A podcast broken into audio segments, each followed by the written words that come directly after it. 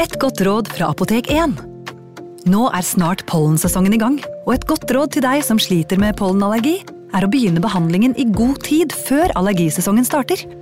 Da får du nemlig enda bedre effekt av legemidlene, og så blir ikke våren din helt ødelagt. Kom innom og få råd på ditt nærmeste Apotek 1, eller chat med oss på apotek1.no. Apotek 1 vår kunnskap, din trygghet.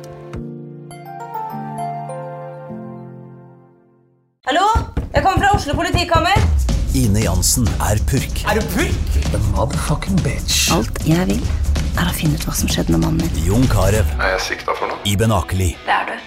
Ole So, Lars Berrum og Big Daddy Karsten. Hvem sin side er du på, egentlig? Anette Hoff, Tone Danielsen, Kommer du fra Afrika? Jørnis Josef, Nesten. Kløfta. Trond Espen Seim, Det er synd å si det, men det var feil mann som døde. Purk. Premiere tirsdag på TV2 Play. Ungsamtalen fra DNB er økonomisk veiledning tilpasset deg som er ung. Bokk en ungsamtale på dnb.no. slash ung. Det er kjempebra hvis du skal inn på boligmarkedet, hvis det er drømmen din, liksom. Det er det du skulle sagt. Og så kunne du ropt litt mer, da, sånn som jeg gjorde. Bam! Advarsel. Historiene vi forteller i denne podkasten kan være fiktive og avvike fra den opprinnelige historien av dramaturgiske årsaker. Meninger og påstander i historiene reflekterer nødvendigvis ikke programledernes meninger eller virkeligheten.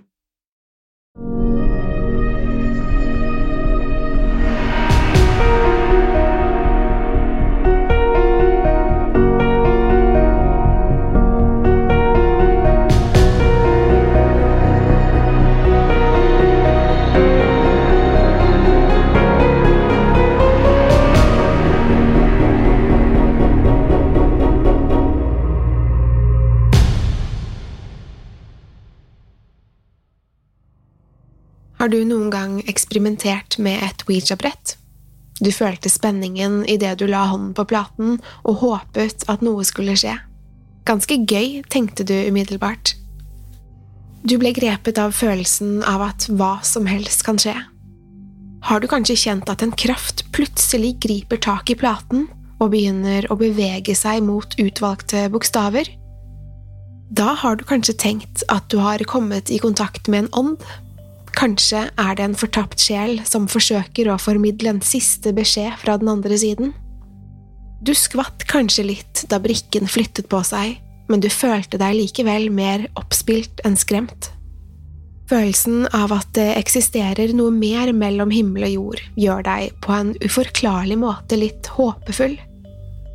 Det som startet som en harmløs lek med det overnaturlige, kan likevel ende opp med å forfølge deg resten av livet ditt. For hva om det i realiteten var noe ondsinnet som flyttet denne brikken over brettet? En demonisk kraft som du nå har invitert inn i vår verden. Denne kraften har festet seg til deg og har ingen planer om å gi slipp. Du tenker kanskje at det ikke kan være så farlig. Brikken flyttet seg jo bare over to bokstaver uansett.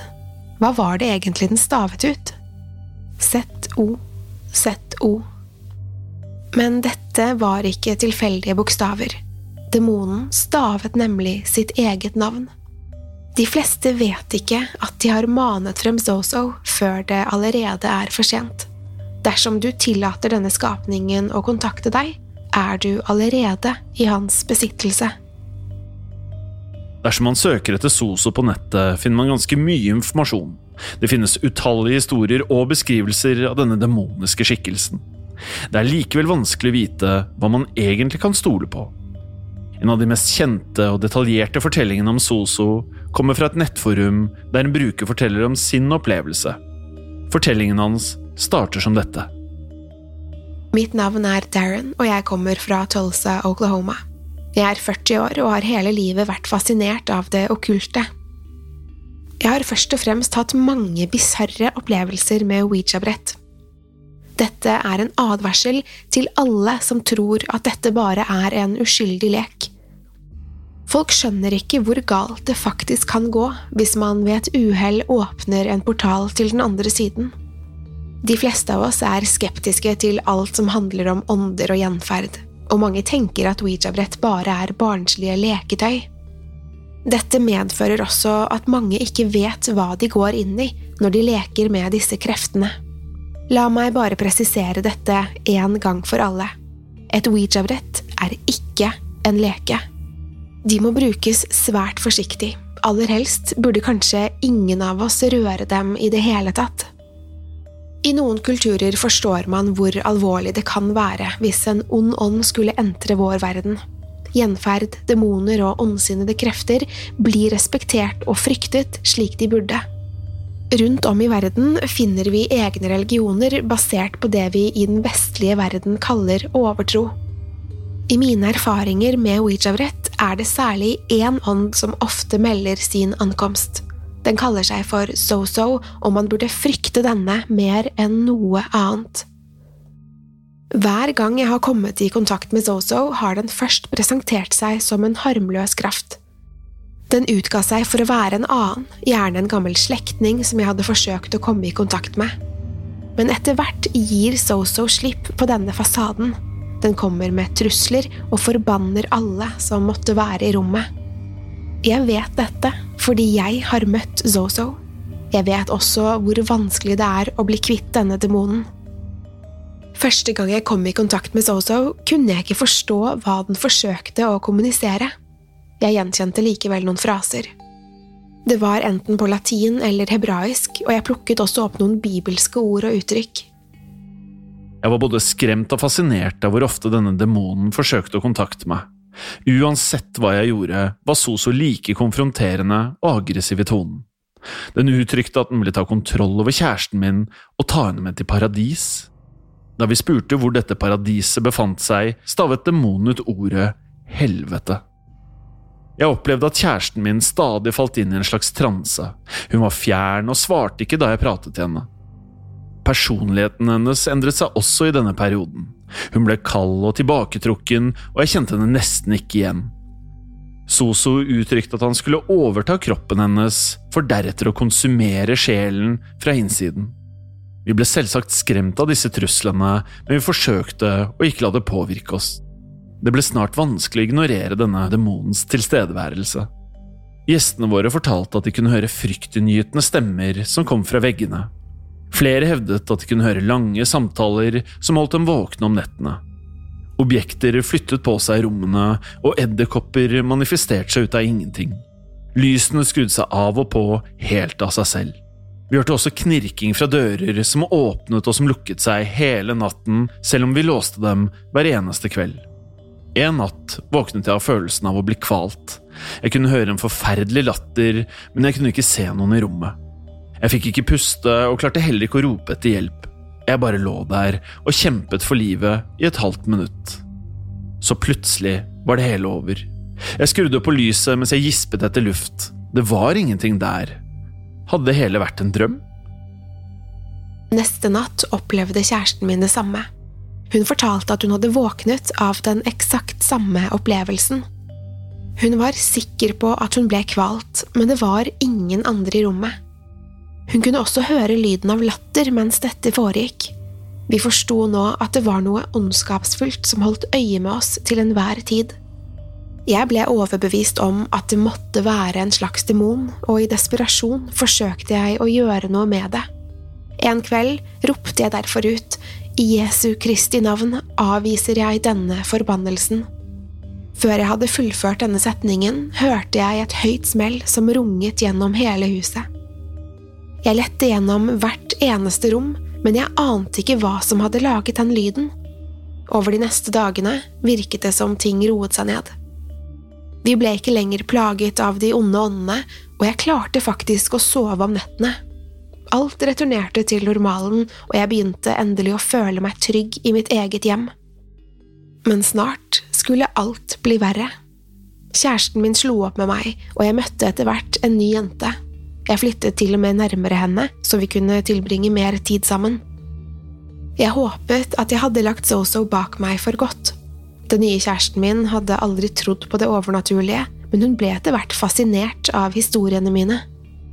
En dag ble vi enige om å prøve å få kontakt med den andre siden. Jeg fikk tak i et Ouija-brett, og hun virket nysgjerrig da jeg viste det til henne. Da jeg la platen på brettet, begynte den umiddelbart å bevege seg. Akkurat som jeg hadde fryktet, hoppet platen mellom de samme to bokstavene. Z-O, Z-O, Z-O. Soso var tilbake i livet mitt. Jeg hadde håpet at jeg var kvitt denne demonen for godt, men den hadde åpenbart ikke tenkt å gi slipp på meg. Den nye kjæresten min lot seg riktignok ikke skremme. Hun var oppspilt og ville gjerne prøve igjen. Jeg var skeptisk, men allerede neste kveld var hun klar for en ny runde med Ouija-brettet. Så fort vi la platen på brettet, begynte den å bevege seg over bokstavene. Hver gang vi spurte om hvem vi snakket med, fikk vi det samme svaret – Zozo. For noen måneder siden bestemte jeg meg for å google dette ordet. Jeg ble sjokkert da jeg innså hvor mange som tilsynelatende hadde blitt kontaktet av den samme demonen. Jeg fant minst 20 lignende historier, og jeg ble overbevist om at dette ikke kunne være en tilfeldighet. Soso er tydeligvis ikke et nytt fenomen. Det eksisterer historier om denne demonen som er hundrevis av år gamle. Alle disse historiene forteller om demoniske besettelser.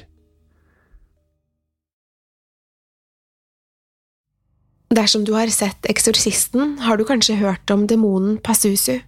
Vel, det egentlige navnet til denne demonen er Zozo. Kanskje produsenten av filmen rett og slett ikke turte å bruke det ekte navnet. Alle som har kommet i kontakt med denne demonen, vet nemlig at man må være ekstremt forsiktig. Navnet Zozo skal visstnok bety ødeleggeren, og historiene gjør det åpenbart at dette er en kraft man bør frykte. Men hva er egentlig Zozo? Noen skriver at den trehodede hunden som vokter portene til helvete, har dette ordet tatovert inn i pannen. Andre har hevdet at bokstavene representerer djevelen selv, akkurat som tallene 666. Mange har kanskje hørt ordet Zozo gjennom rockebandet Led Zeppelin, Gitaristen Jimmy Page var veldig opptatt av det okkulte og brukte Zozo, stavet ZOSO, på sine platecover. Kan dette ha noen sammenheng med demonen? Ordet har tilsynelatende eksistert siden oldtiden. Det har dukket opp i menneskers bevissthet på tvers av kulturer og trosretninger. Utallige mennesker rundt om i hele verden hevder å ha blitt besøkt av denne onde kraften. Men likevel er det ingen som vet akkurat hva det er. Er det en demon, en slags ånd, eller kanskje det rett og slett er djevelen selv? Hvis det ikke er åpenbart allerede, så er dette en advarsel til dere alle. Dersom du noen gang leker med et Ouija-brett, må du umiddelbart avbryte dersom du får kontakt med Zozo. Du må ikke terge eller provosere denne demonen, men du må heller ikke gjøre som den befaler. Vær så snill, dere må lytte til advarselen min. Så fort du ser platen bevege seg over bokstavene Z og O, må du umiddelbart avslutte leken. Du må kaste brettet, rense huset for onde ånder, og aldri kommunisere med denne kraften igjen. Du tror sikkert ikke på meg. Jeg forteller bare hva jeg selv har opplevd, men jeg vet at jeg ikke er den eneste. Jeg kan ikke stanse deg fra å prøve selv, men vit at du leker med ilden. Det eksisterer nemlig krefter i denne verden som vi ikke kan se, men som likevel er ekstremt farlige. Det overnaturlige kan være vel så faretruende som det vi definerer som virkeligheten. Du tenker kanskje at Ouija-brett umulig kan være så veldig farlige. Du kjøpte det tross alt i en lekebutikk eller en bokhandel. Det ble satt sammen på en fabrikk, masseprodusert, pakket inn i plast og solgt til barn og ungdom.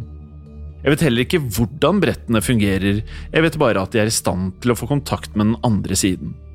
Brettet er en slags portal til det ukjente og kan tillate at ubegripelig ondskap entrer vår verden. Du har sikkert prøvd deg før uten å oppleve noe skummelt. Da har du i hvert fall vært heldig.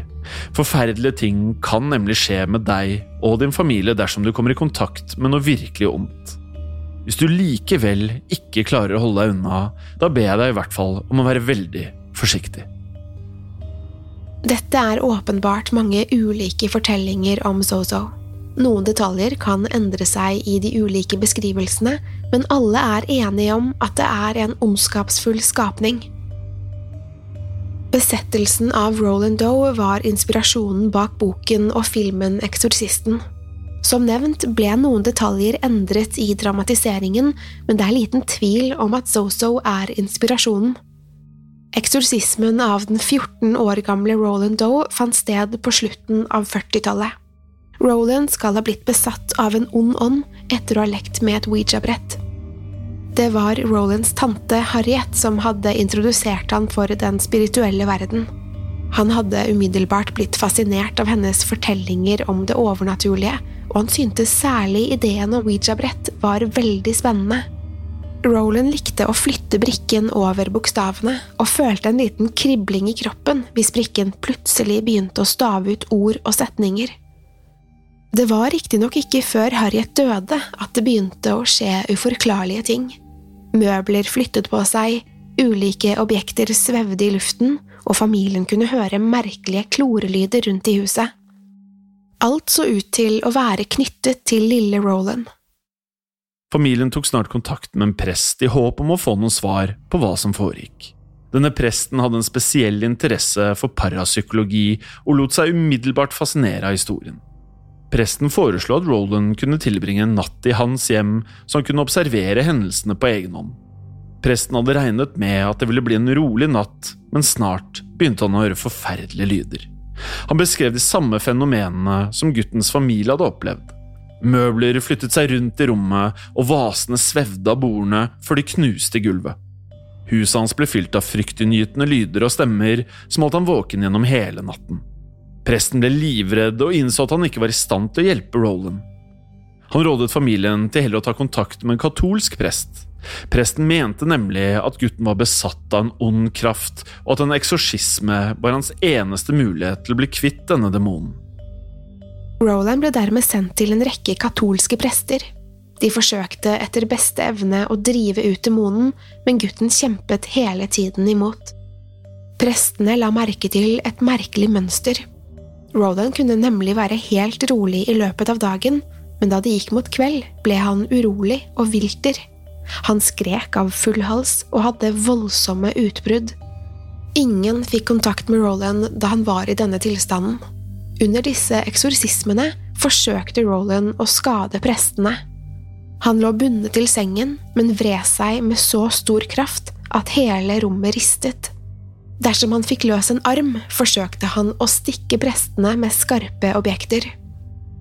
Roland viste særlig motstand til religiøse symboler og kristne trosbekjennelser. Han snakket med en lav, guttural stemme, og flere kunne fortelle at objekter plutselig fløy fra veggene. Gutten var plutselig i stand til å snakke latin, til tross for at han aldri hadde gjort dette tidligere. Det ble gjort flere forsøk på å renske ondskapen ut av Roland, men ingenting så ut til å fungere. Foreldrene hans ga riktignok aldri opp, og fortsatte å søke hjelp fra nye katolske prester. Med tre prester til stede gjorde familien et siste forsøk. Roland var nå både svak og utsultet. Familien forsto at dette antageligvis var deres siste sjanse til å redde gutten. En av prestene beskrev at Roland begynte å riste nesten som han fikk et anfall. Prestene forsøkte så å roe ned gutten, men han kjempet febrilsk tilbake. Med et plutselig slag brakk Roland nesen til den ene presten. Mens de holdt Roland nede, begynte presten å se flere små kutt på guttens armer og på hans overkropp. Det var riktignok ingen som hadde påført han disse skadene. Det var som om kuttene kom fra innsiden av kroppen hans. Etter hvert kunne han se at det dukket opp piler, kryss og bokstaver på Rolands kropp. Bokstavene begynte å stave ut ord som helvete og djevelen. Prestene innså så at de måtte gjøre noe før demonen tok livet av gutten. De holdt krusifikser over kroppen hans og befalte den onde kraften om å forlate ham. På mirakuløst vis sluttet plutselig Roland å kjempe imot. Sengen og rommet sluttet å riste, og han pratet igjen med sin vanlige, myke stemme. Han var fullstendig utmattet, men det var fremdeles liv i gutten. Demonen hadde forlatt kroppen hans, og Roland kunne igjen leve et normalt liv. Mange har stilt spørsmål ved historien om Roland Doe. Var han virkelig besatt av en demon, eller var han bare en syk gutt som hadde behov for profesjonell hjelp? Noen hevdet at det var Roland som selv ønsket å lure sine foreldre og venner. Likevel er det mange som har pekt på likhetstrekkene mellom Roland og andre demoniske besettelser. Fremdeles er mange overbevist om at Zozo hadde tatt kontroll over Roland. Demonen tok kontakt med gutten gjennom Ouija-brettet, for å deretter ta bolig i kroppen hans. Noen tror at Zozo brukte stemmen til hans kjære tante Harriet for å vinne guttens tillit. Det er nettopp dette som er så fryktinngytende med Zozo. De fleste aner ikke at de har kommet i kontakt med en demon før det er altfor sent. Mange beskriver som nevnt at de tror de snakker med en slektning eller en annen fortapt ånd når SoSo først melder sin ankomst. Det er riktignok noen varsellamper som du kan holde utkikk etter. Det første du vil merke, er at temperaturen plutselig endrer seg i rommet. Dersom du også ser at platen beveger seg i en åttetallsform over brettet, har du grunn til å være bekymret. Ofte vil Soso stave ut sitt eget navn, men demonen kan også bruke andre titler. Dersom ånden staver ut Sasa, Pasusu eller Mama, kan dette være den samme skikkelsen. Mange hevder å ha sett en skygge bevege seg i rommet når de først får kontakt med demonen. Andre har opplevd at lyset plutselig skrur seg av og på, eller at glass og speil plutselig knuser. Likevel er det én ting som går igjen i alle beskrivelsene. Dersom du plutselig føler deg redd, syk eller opprørt, må du avslutte seansen umiddelbart. Det er viktig å ikke få panikk dersom du faktisk blir kontaktet av Soso. Demonen får nemlig næring av din frykt. Dersom du frykter at du snakker med Soso, må du rolig bevege platen til adjø. Så fort man har avsluttet, må man kvitte seg med Ouija-brettet og aldri bruke det igjen. Dette er deres siste advarsel.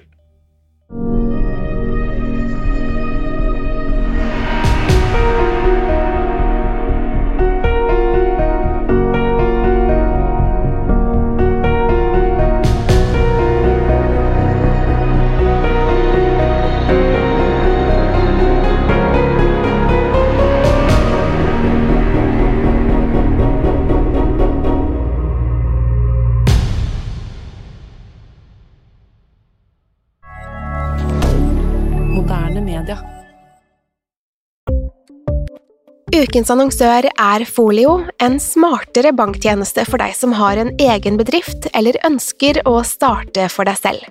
Folio er en superenkel nettbank for bedrifter. Som kunde i Folio får du en bedriftskonto med et bedriftskort og app.